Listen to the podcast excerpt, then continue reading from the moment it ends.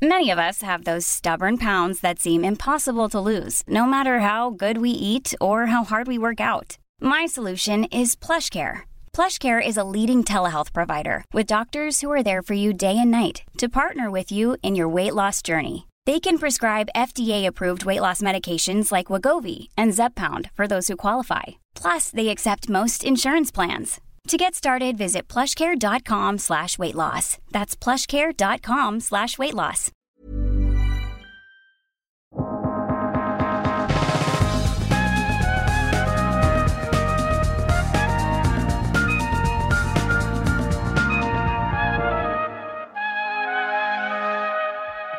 Hej och välkomna! Du lyssnar på podden Allt du behöver veta om ny teknik. Jag heter Per Danielsson och är chefredaktör här på Sveriges största teknikredaktion. Och jag heter Anna Orring och är nyhetschef. Ja, idag så har vi en väldigt spännande men anonym gäst, eller hur Anna? Ja, precis. Eh, vi ska få besök av Sigbritt Karlsson.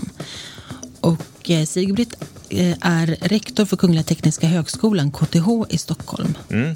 Vi kommer pr prata och fråga henne bland annat om varför hon vill ha mycket, mycket mer pengar till KTH, hur livet har varit under coronapandemin och om de nu kommer satsa ännu mer digitalt lärande och digitala plattformar, bland annat. Precis, vi kommer också prata om då hur, hur tillverkar man eller hur förbereder man och utbildar man en ingenjör som ska sen ha relevanta kunskaper i 25, 30, 40 år framåt i tiden. Ja, vi ska också ta reda på hur det kommer sig att de samarbetar så mycket med eh, stora kommersiella företag när det gäller olika projekt och hur, hur man lyckas med det. Och, eh, Många startupbolag har ju sitt ursprung ur KTH. Vad beror det här på? Och varför är det så få kvinnor som kommer ut som entreprenörer från KTH? Precis. Sen kommer vi också få svar på frågor om hur hon tycker i aktuella plastfrågor. Sibyl Karlsson är ju plastforskare i grunden. Precis. Och vad tror hon kommer säga om plastpåseskatten exempelvis? Jag tror att hon inte tycker att det är en bra idé. Nej. Eh, vi får se. Nu välkomnar vi in Sigbritt in i studion. Hej och välkommen till podcasten Sigbritt. Tack. Eh, otroligt kul att du är här. Eh, det har gått några veckor nu av terminen och ni är över 13 000 studenter. Är det fullt på campus? Nej, inte riktigt fullt eftersom vi har prioriterat årskurs 1-studenterna, alltså nybörjarna för universitetsstudier och även eh, första året på masterutbildningen. Alltså, sen har vi väldigt stora inslag av digital. Mm. När beslutet kom att ni skulle öppna upp ert campus igen, vad var det som var viktigast liksom, att eh, få till och ordna med? Ja, det viktigaste är att få till eh, de här säkra avstånden mellan studenterna, säkra salarna. Ehm, vi håller ju strikt på att man ska inte vara mer än 50 i ett utrymme till exempel och att vi har markeringar och handsprit och så vidare.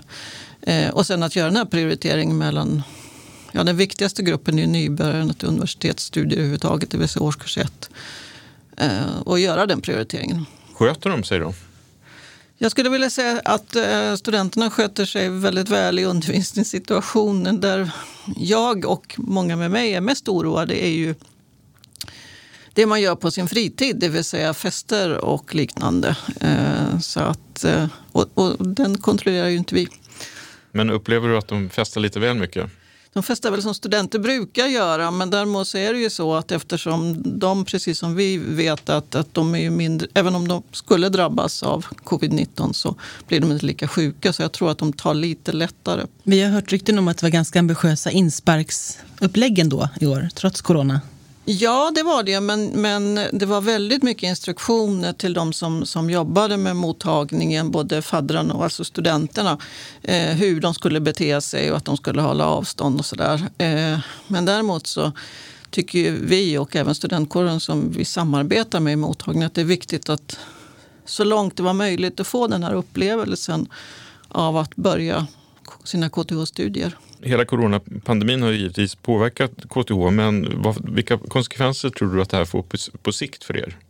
Jag hoppas ju att, att de positiva konsekvenserna blir att vi tar till oss mycket mer av det nätbaserade lärandet. Det vill säga att, att den förberedelse som har pågått under många år med digitala inslag, att vi nu eh, kan vad ska vi säga, optimera lärandet och de facto eh, göra mer jag vill kalla det nätbaserat och inte distans, mer av sådana inslag och sen använda det fysiska mötet till att ge studenterna möjlighet till reflektion och träna och att de får till den här ingenjörs eller arkitektfärdigheten som sitter i händerna mm. också. Men, men, är det så att ni investerar, kommer att investera mycket mer i teknik för att få ett digitalt lärande mer framåt? Ja, det behöver vi göra. Vi har ju redan investeringar på gång men vi kommer behöva göra det och vi måste också kanske fatta några beslut som handlar om ja, en, en sån sak. Är det så att vi de tre första åren är de mer nätbaserade för att sen när man kommer upp högre upp så, så, så är det mer reguljär utbildning. Eh, det som skulle vara en fördel med ett sånt tänker jag ju då att det här med bostadssituationen i Stockholm gör det ju svårare med rekrytering till KTH från hela landet. Eh, och jag säger inte att vi har tänkt så, utan det är bara liksom ett exempel som det skulle kunna vara. Eller tvärtom, om vi tycker då att det är viktigare att studenterna är på plats de första åren. Men, men egentligen säger du att eh, då, då unga vuxna kommer bo hemma hos sina föräldrar mer och sitta och, och följa, utbilda sig på distans hemifrån. Det, och det, inte flytta hemifrån. Ja, och det är ju det som blir konsekvensen och det skulle jag vilja säga att det gör de ju redan idag. Särskilt ungdomarna från Stockholmsområdet. I högre utsträckning så bor de ju fortfarande hemma eh, på grund av bostadssituationen. Så det kan man väl säga, det är ju nackdelen då om man går över till ett sånt lärande, det vill säga att man fortsätter att bo hemma. Ja. Eh, KTH, ni, ni som jobbar där, historiskt sett så har ni rest över hela världen rätt frekvent för att delta på konferenser och så vidare. Nu har det här ändrats eh, och många har, har vittnar om att det har blivit digitala konferenser som man deltar på istället. Är de glada resdagarna över för KTHs anställda? Ja, det är ju en väldigt bra fråga och då kan man väl säga så här att det vi har märkt nu också är att, att vi kanske inte ska eller måste resa om vi har en endagskonferens eller bara ett par timmars möte. Eh, men vi tror ju att, att det fysiska mötet mellan forskare som är ute i världen kommer att vara viktigt. Sen upplever jag att det är en, en, ett lärande också i det. När man känner sig trygg i det digitala mötet och känner att det ger samma sak. Svårigheten med digitala möten som jag ser det är ju då att om, om jag känner väl personerna som jag har jobbat med dem under många år och har träffat dem förut, då funkar det jättebra. Men om jag ska göra, knyta nya kontakter så är det svårare. När det här avsnittet sänds, eh, då vet vi vilka som blir Nobelpristagare i år. Men det vet vi inte idag när vi spelar in. Och eh, KTH har haft en Nobelpristagare, Hannes Alfvén. Han fick fysikpriset 1970. Det var 50 år sedan. När får KTH sin nästa Nobelpristagare? Blir det nästa vecka? Ja, eh, det är klart att det vore väldigt härligt att det skulle bli så. Eh, nu är ju Nobelprisen till sin karaktär väldigt mycket grundvetenskap. Vi har ju mycket tillämpad forskning men vi har ju också förstås grundvetenskap. Eh, jag tror kanske inte att chansen är så stor att, att det blir en KTH i år heller. Skulle det vara viktigt för er att få en Nobelpristagare? I någon mening är det ju viktigt naturligtvis för KTH att få en Nobelpristagare. Men det är ju inte liksom, det ligger ju inte i vårt uppdrag. Vi har ett tydligt och brett uppdrag att förse Sverige med ingenjörer och arkitekter och, och vi ska driva forskning som, som vi då vill ha, gärna i samverkan. Eh, och då kan man väl säga att det skulle vara en extra stjärna om vi fick någon av våra forskare som, som belönades för det. Eh, men det är inte något som vi jobbar på på det sättet. Och så vitt jag vet så är det ju så att, att många andra internationella lärosäten lobbar ju intensivt mot Kungliga Vetenskapsakademin och skickar in. Det är inget som, som vi gör, åtminstone inte från ledningen på ett systematiskt sätt. Sen är det säkert andra som kanske gör det. Däremot kan man säga att ni har ju många medarbetare som sitter i KVA. Vi har många medarbetare som sitter i KVA, ja. Och delar ut Nobelpriset. Och delar ut, ja. Innan vi går vidare då och pratar, vi ska prata om ingenjörsutbildningar och om KTHs framtid. Vi ska prata om Vision 2027 och eh, varför så många hoppar av sin utbildning och mycket andra saker. Men först måste vi få veta lite mer om vem du är. Så här kommer några korta frågor. Vi börjar så här då. Vilken låt är det som börjar med den här textraden? Somebody said you got a new friend. Ja, det var en bra fråga. Det kan inte jag. Jag tror att du skulle känna igen den om vi spelade upp den.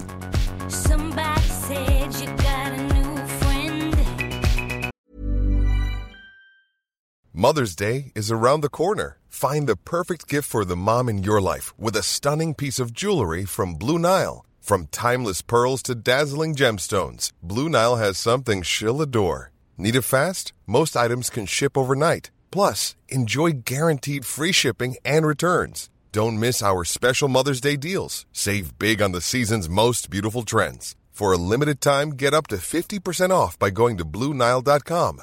That's Blue Bluenile.com. If you're struggling to lose weight, you've probably heard about weight loss medications like Wigovi or Zepbound, and you might be wondering if they're right for you.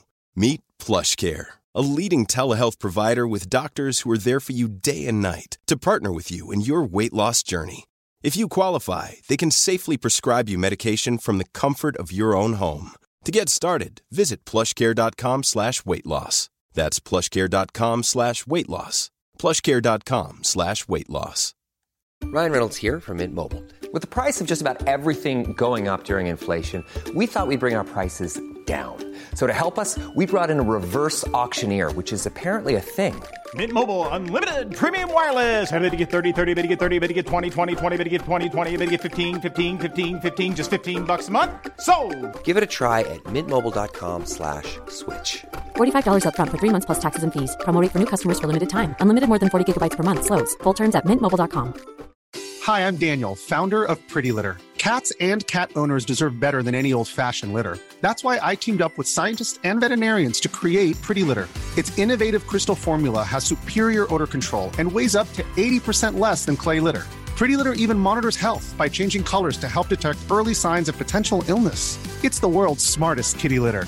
Go to prettylitter.com and use code ACAST for 20% off your first order and a free cat toy. Terms and conditions apply. See site for details.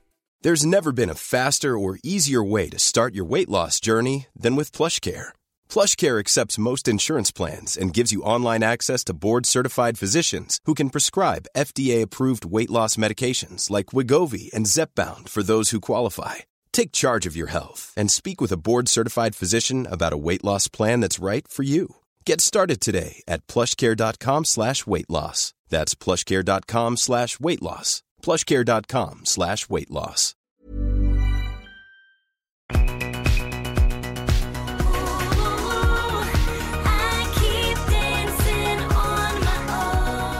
Dancing on my own med Robin. Jaha. Mm. Varför tar vi upp Robin tror du? Ja, därför att Robin har varit väldigt viktig för oss. Hon fick ju KTHs stora pris eh, för ett antal år sedan och eh, är väl en av de stora pristagarna som faktiskt har, har gett en substantiell tillbaka till, till KTH med, med, med sin stöd för att, att lyfta unga flickors intresse för teknik. Men så måste jag ju erkänna att med min ålder så har jag inte lyssnat så mycket på Robin. Hon har en något yngre. Så därför kunde jag inte den textraden. Mm. Ja, fråga nummer två då. Vilken är din favorit bland fiktiva deckarhjältar?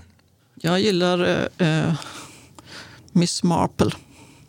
Vilken typ av skräp har du mest problem med när du ska sopsortera? Eller som du är mest liksom bekymrad för? Eh, det är nog alla papp och pappersförpackningarna som, som åtminstone där jag bor blandas ihop med vanliga soporna. Här trodde vi att du skulle börja prata om plastförpackningar och återvinning. Eftersom du är ju också professor i polymerteknik. Och då kan jag säga att jag är inte så bekymrad över det. Eh, därför att plast och plaståtervinning kan eh, göras mycket mer effektivt och då återvinner man de råvarorna som finns i plast. Eh, jag tycker att hela debatten kring plast har totalt kantrat, måste jag säga. Hur menar du då? Nej, men den har kantrat utifrån att ja, allt, alla plastmaterial är förskräckliga och måste fasas ut. Plast har ju den unika egenskapen att man faktiskt kan tillverka det nästan ifrån vad som helst. Eh, så man kan göra de här bra plastprodukterna, polyeten, polypropen, från vilken råvara som helst. De har jättegoda egenskaper. De hjälper till att ha god livsmedelshygien. De hjälper till i, inom sjukvårdssektorn och så vidare. Och så vidare. De har unika egenskaper som är väldigt svårt att åstadkomma på något annat sätt. Däremot så behöver man ju jobba aktivt både med återvinningen och förbättra den men också ersätta oljan som, som liksom huvudsakliga källa för att göra plast. Och när man lyckas med det så, så är den ett, ett alldeles fullgott material. Så man behöver inte gå till storms mot det och säga att man ska ersätta all plast med något annat. Ja, vi går vidare med frågorna. Vad skulle du helst vilja uppfinna? Skulle helst vilja upp. Jag har ju glasögon och så vidare så jag skulle tycka det var väldigt praktiskt om de kunde uppfinna ett par glasögon som ställde in sig själv utifrån vad jag vill göra. Om jag vill läsa eller titta på avstånd snarare än att jag behöver byta glasögon. Vad säger du om vi säger Chalmers? Våra bästa vänner, säger jag.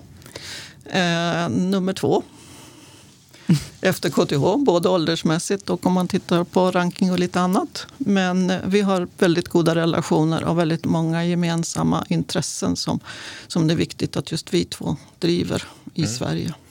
Om du, du började ju på KTH när du var 19 år. Mm. Eh, om du skulle titta tillbaka och ge ett råd, gott råd till dig själv som 19-åring, vad skulle det vara? Det skulle nog vara att jag skulle möjligen ha haft lite större självförtroende. Eh, det var en totalt ny miljö för mig och jag har ingen av mina släktingar eller föräldrar som någonsin hade läst på universitet eller ens på teknisk högskola. Eh, så därför var ju första åren var jag lite sådär osäkra. Klarar jag av det här och så vidare. Så det skulle jag vilja ha gett mig själv som ett gott råd. Lita på dig själv och tro att du klarar av det här. Ja, med den bakgrunden, det är ju då en fantastisk karriär att bli rektor sen på KTH. Men varför är du rektor på KTH?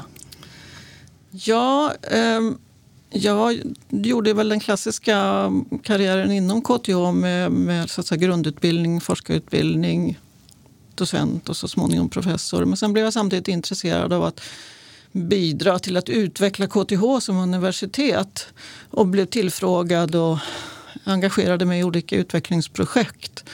Eh, och när jag sen var KTHs prodekanus eh, 2000 nio så, så uppmärksammades jag utifrån om jag ville vara intresserad av att leda Högskolan i Skövde som rektor. Och jag har trott mycket på att, att fånga tillfällena i, i flykten och utmana mig själv och prova nya saker. Men rektorsrollen ger ju möjlighet att utveckla ett universitet som, som man inte kan på någon annan position. Så det är det som har drivit mig och driver mig. Vilka lärdomar tog du med dig från eh, tiden på Skövde högskola in till KTH? Ja, en, en sån lärdom handlar ju om att, att det är väldigt lätt att titta ner på de nya lärosätena och säga att ja, men de är inte bra på något sätt. Eh, men lärdomen jag hade att, att det är en mindre miljö. Men även en mindre miljö så kan man mm, både ha väldigt bra utbildningar och väldigt bra forskning. Det är den ena lärdomen. Och den andra lärdomen handlar väl om att ett litet lärosäte har ju lättare att liksom mobilisera hela gänget för att göra saker för att utvecklas. Eh, men det är bra att stå på när man eh, liksom leder en verksamhet som är personmässigt tio gånger större än, än det förra. Om du ska nämna någon person eller några personer som du beundrar? jag, har, jag beundrar Sigrid Franke, förra universitetskanslern och rektorn i Umeå. hon är en väldigt stark person som, som har stöttat mig i min tidiga karriär som rektor och stöttar mig fortfarande. Om du skulle skriva en bok, vad skulle den handla om då? Om du skulle skriva den nu? Eh, jag är lite sugen på att skriva en bok eh, om eh, polymerer och miljö, alltså plast och miljö utifrån både min forskning och de erfarenheter jag haft om det. Kommer du, kommer du göra det? Jag kan inte lova det, men jag går och tänker på det i alla fall. Mm. En stor fråga i samhället de senaste året här har varit diskussionen om plastpåseskatten. Hur ser du på den? Ja, jag tycker rent av att den är idiotisk. Eh, den är ett exempel på när man silar mygg och sväljer elefanter. Hur menar du? Eh, jag menar att det, de problem vi, som framförallt vi ser av att, att det är väldigt mycket plast som flyter omkring i världshaven beror på att det finns länder och regioner i världen som inte har en ordentlig avfallshantering. Medan däremot vi har en lång tradition hur vi använder plastpåsar i Sverige. Nämligen vi tar hem dem och ibland bär vi saker efteråt och sen så har vi våra sopor i den.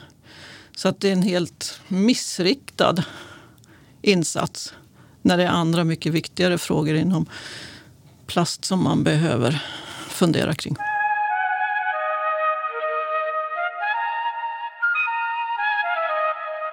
Vi gjorde en liten gallup i vår egen omkrets här och eh, så var det knappt någon som visste vem Sigbritt Karlsson är.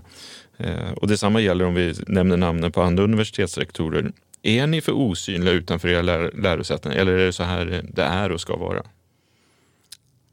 Eh, jag tror att vi nog är lite för osynliga. Vi skulle kunna vara mer synliga. Eh, vi gör ju olika inspel i form av debattinlägg och skriver i, i, i tidningar och sådär. Men jag skulle vilja säga att vi behandlas också som en grupp, en sektor. Här har vi universitet och högskolorna och här har vi alla rektorerna. Så det är svårare att nå ut som enskild rektor. Sen kan man väl säga så här att det är väl inte vår huvudroll att, att, att vara jättesynliga. För vi, ska ju, vi jobbar ju för hela Sverige om man säger så. Um, men ehm, jag skulle önska att vi var lite mer efterfrågade i, i debatter eller så. Eh, och då kanske mer som företrädare för våra olika lärosäten. Ehm. Mm. Om sju år så fyller KTH 200 år. Eh, och ni har ju någonting som kallas för Vision 2027 och en del i den är att KTH ska vara ett av Europas ledande tekniska universitet. I år är ni på 33 plats i, i, och respektive 72 plats bland Europas lärosäten och på plats 207 i världen. Ja, det finns olika rankingar, men vilken är man ledande om man är på de här platserna? Ja, det kan man väl undra om man är ledande, om, om det betyder att man ska vara nummer ett eller åtminstone ganska högt på de här 200. Jag tror det är Times Higher Education som är 200 någonting. Det här är ju någonting som, som vi jobbar med väldigt aktivt. Det är ju så att vi har ju sett att konkurrensen från de internationella lärosätena ökar, det vill säga de blir snabbare. De blir bättre snabbare än vad vi förmår att göra eh, de facto. Eh, vi jobbar väldigt aktivt med det. Så det är liksom i visionen, den ligger ju fast. Mm. Men när du säger att de blir bättre snabbare, ja. vad är det de blir bättre på? Nej, men det som mäts i de flesta rankinglistorna är ju forskning och mer specifikt citeringar. Eh, inte eh, citeringar från tidskrifter och publikationer. Eh, och eh, många länder, framförallt i Asien och Sydostasien, har ju satsat väldigt mycket resurser på sina universitet. Eh, svenska lärosäten och, och vi har ju visserligen fått mer resurser kanske än några av de nordiska grannarna. Men inte, vi har inte alls samma förutsättningar att bli så bra som en del eh, tillåter. Men, men det, då låter det ju som att det är svårt att komma upp på topp 10. Utan tvärtom att ni kommer att sjunka? Alltså det vi ser är att de svenska lärosätena och inte bara KTH, att vi sjunker på de här rankinglistorna. Mm. Eh, och, och, då är ju frågan om Nobelpriset intressant. För att Nobelpris är i vissa rankinglistor också en sån där kriterium som gör att man, att man stiger. Eh, men inte desto mindre, så för oss är det viktigt att vi ändå jobbar aktivt. För att det handlar både om möjligheten att jobba i internationella forskningsprojekt som man får bara för att man befinner sig på en viss plats eller internationella studenter som väljer KTH. Ja, då fortsätter vi prata om internationella studenter. Förra året så hade ni 2000 utländska studenter, om jag läst rätt. Och ni rekryterar lärare och forskare från hela världen. Ni vill vara med och konkurrera om de här framtidens talanger. Varför är det här viktigt för KTH? Ja, det är viktigt därför att våra, om vi kallar dem, eller ja, våra nationella studenter kommer ju verka i hela världen. Eh, det är många som är perioder eller hela sin karriär utomlands. Och då är det viktigt att man redan under sin studietid är i en miljö där man har både internationella och de svenska studenterna. Så för oss är det liksom en kvalitetsfråga att, att vara i den nationella miljön. Vad händer nu med corona då, om inflödet liksom stoppas på det av sådana här yttre omständigheter? Jag ska, skulle vilja säga så här att, att eh, när vi tittade på antalet ansökningar och de som hade betalat så var de, hade de stigit jämfört med förra året. Sen nu när man registrerar sig, vilket är, då ser man faktiskt vilka som har kommit, så, så är det något lägre än förra året. Men inte alls så mycket som vi kanske befarade. Mycket av det berodde på att vi tidigt gick ut och sa att vi kommer öppna campus för utbildning och prioriterade just första året på masternivån. Då vågade man komma. För några veckor sedan då så hade vi Gunnar Wetterberg här i podden. Och han har ju skrivit en bok om den svenska ingenjörshistorien.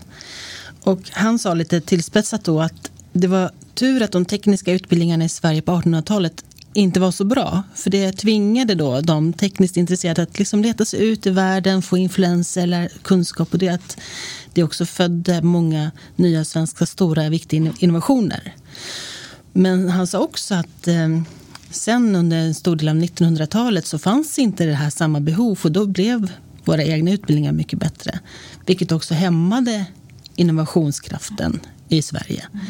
Hur, hur ser du på den beskrivningen? Ja, nu har han ju studerat historien så han vet säkert vad han pratar om. Eh, det är väl så också att i, början så, så var det väl väldigt mycket praktiska inslag. Eh, även om jag inte riktigt vet om historien om att det fanns en kurs i hur man arrangerar blommor, om den är sann eller inte. Men det är vad som sägs i alla fall. Men i vilket fall som helst så, så, så är det klart att det är mötet med den internationella, det globala som innovationer kan ske. Och under en period så, så var det väldigt mycket fokus på Sverige men det byggde å andra sidan ett antal stora svenska eller som nu är internationella företag tack vare alla ingenjörer som utbildade sig. Och man tog ändå fasta på att om man lever i ett, ett fattigt land långt upp i Europa så måste man vara ganska kreativ för att överhuvudtaget överleva. Och jag tror att det är den kreativiteten som kanaliserades in i ingenjörsutbildningarna. Man behövde fixa för att få det någorlunda bra. De studenter som började på KTH nu i augusti och som också tar examen sen. Eh, de kommer att vara verksamma som ingenjörer i kanske 40 år, alltså 2060-talet, in på 2060-talet. Hur, liksom, hur tillverkar man en ingenjör som ska vara relevant så lång tid framöver? Jag tror att vi i högre utsträckning eh, får se det så att, att de här tre om det är nu högskoleingenjör eller fem år om man är civilingenjör. Det är liksom bottenplattan man står på. Eh, men den tekniska utvecklingen och förändringarna i samhället i stort är ju så snabb nu så att det kommer ju vara nödvändigt att man fyller på. Eller liksom breddar sig, eller hur vi nu kan beskriva det, kontinuerligt under hela livet. Och det är klart, det gör väl ingenjören, det har gjort hela tiden. Men nu kanske det handlar om, ja, man behöver bli bättre på digitalisering för man hade inte det i sin utbildning. Man behöver alltså, mer substantiell kunskapsförstärkning i det livslånga lärandet kommer ju behövas och då måste ju vi kunna erbjuda det också. Hur kommer då ingenjörsutbildningen att se ut eller förändras de närmsta 10, 20, 30 åren?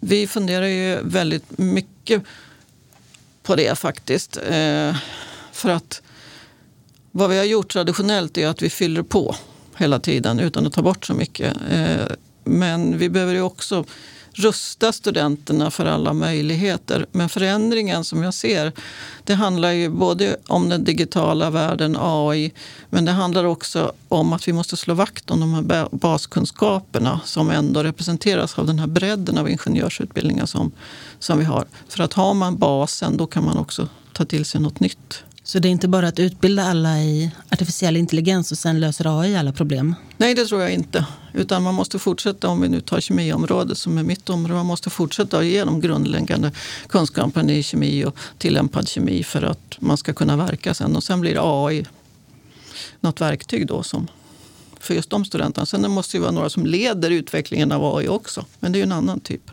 Du, du sa ju här alldeles nyss att eh, du hade hört rykten om att det fanns en kurs hur man arrangerar blommor. Ja.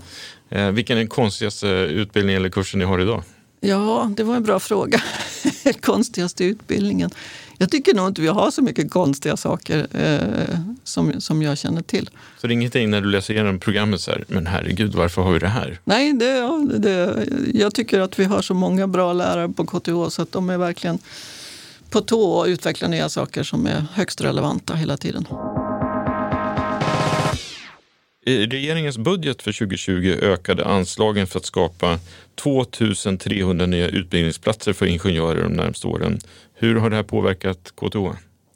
Det påverkar ju oss. Vi har ju också dessutom fått eh, en fördubbling eller så av basårsplatser, det vill säga det är inte, alltså, de som ska bli behöriga för eh, ingenjörsutbildningar. Det är klart att det påverkar ju oss så tillvida att vi utbildar ju just nu idag redan lite för många i form av vad vi får för ersättning för. Eh, så vi kanske inte behöver göra jättemycket eh, för att liksom klara det uppdraget. Men eh, det som ställer saker på sin spets är ju laborationer till exempel. Om de blir väldigt många fler inom vissa utbildningar.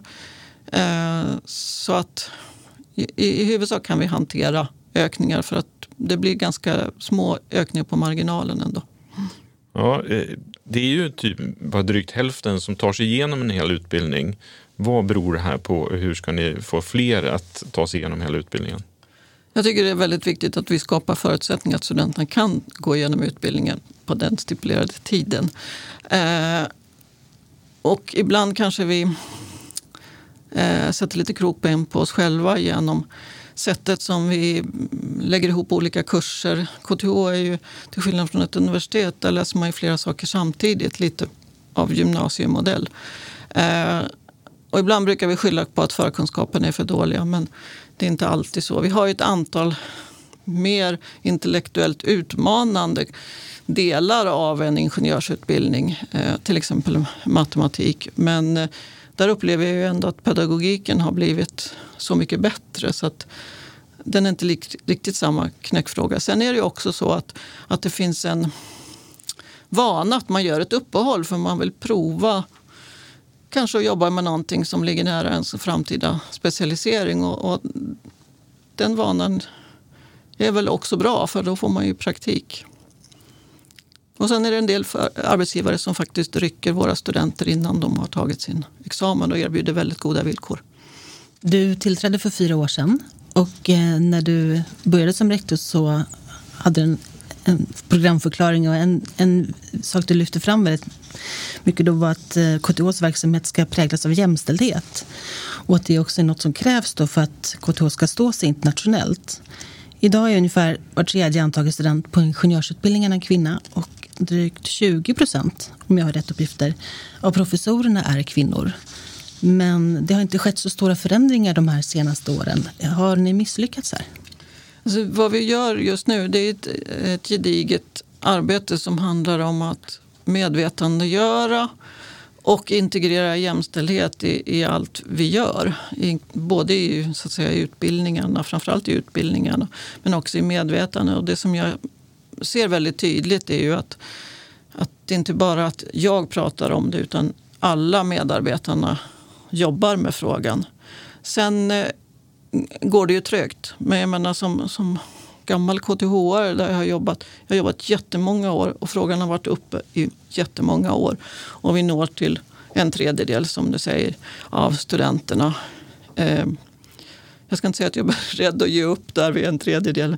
Men eh, vi måste få det också att, att bli ett kontinuerligt intresse från när barnen är små. Vilket de ju, då är de oftast väldigt tända och intresserade av det. Och sen är det någonstans man tappar dem.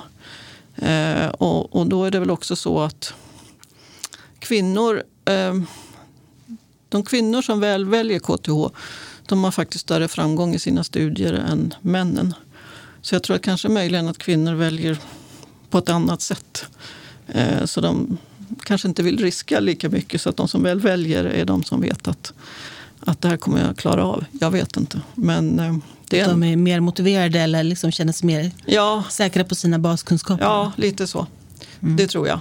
Men varför är det här en viktig fråga då för KTH? Alltså jag tycker det är en viktig fråga därför att det finns så många olika aspekter av ingenjörsrollen som, som verkligen bidrar till samhällsutvecklingen. Eh, och det finns lika många kvinnor som män som kan bidra.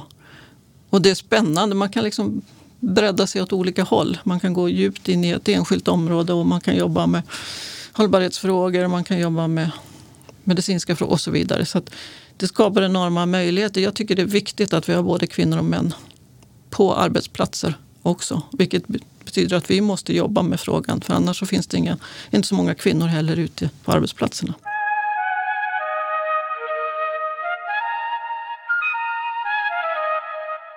Förra veckan i den här podden så hade vi besök av Per Tunell som är operativ chef på Wallenius Marin. Och han arbetar ju med att sjösätta det segeldrivna fraktfartyget Oceanbird Det ska segla över Nordatlanten 2025 med upp till 7000 personbilar. Otroligt spektakulärt projekt och eh, en ingenjörsdröm för de som är inblandade. Och KTH är ju med och utvecklar det här eh, fartyget. Hur fungerar det när ni väljer att delta i projekt med etablerade kommersiella aktörer?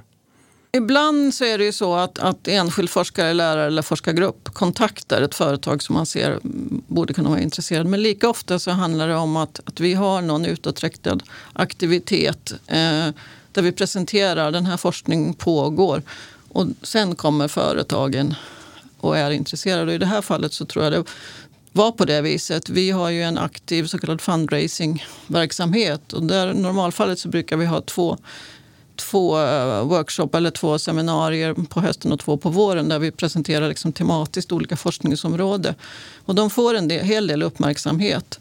Och I det här fallet så, så identifierade då det här rederiet att här fanns det en möjlighet för att eh, forskarna där jobbade ju med förarlösa såna undervattensfarkoster och möjligheten att åka in under isen och så vidare. Och elektrifiering av flyg och så vidare. Så att där skedde kontakten på det sättet. Men hur viktiga är de här typen av samarbeten för er? Ja, men det är ju jätteviktigt för oss att, att vi fortsätter den traditionen och ha samverkan med, med företag och industri. För vi lär oss ju någonting.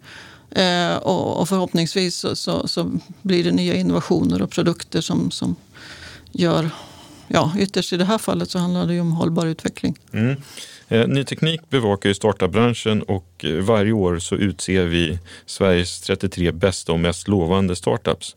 Och många på den här listan har ju sitt ursprung från KTH. Vad beror det på? Det beror på att vi har eh, många inslag under utbildningarna som handlar om innovationer och entreprenörskap. Så att ganska tidigt så får studenterna bekanta sig med det här och vi har en väldigt framgångsrik, det heter KTH Innovation, som tar hand om idéer och lotsar personer med, med idéer till så att man kan sätta igång en startup. Eh, så det finns liksom med i utbildningarna. Mm. När vi undersöker runt om bland etablerade stora svenska ingenjörsbolag så finns det ett stort rekryteringsbehov. Men när man pratar med KTH-studenter så ja, intresset för att ta sig till Boliden eller Södertälje eller andra ställen runt om i landet, den är väldigt låg. Istället så vill man hellre vara kvar i Stockholm och eh, göra en startupresa. Varför då? Är det ni själva som driver på det här? Vi driver inte på det eftersom vi dessutom har några av, av de här stora företagen som våra strategiska samverkanspartners. Så, så det är ingenting som kommer från oss. Men däremot så verkar det gå, vad ska vi kalla det, rykten eller historier bland studenterna som, som handlar om att nej, där vill man ju inte hamna. Eh, sen vet inte jag om det har att göra med, med tidens individualisering. Det vill säga man vill inte se sig själv som, som ett, i ett större kollektiv för ett stor, på ett storföretag utan man vill, man vill göra en egen resa.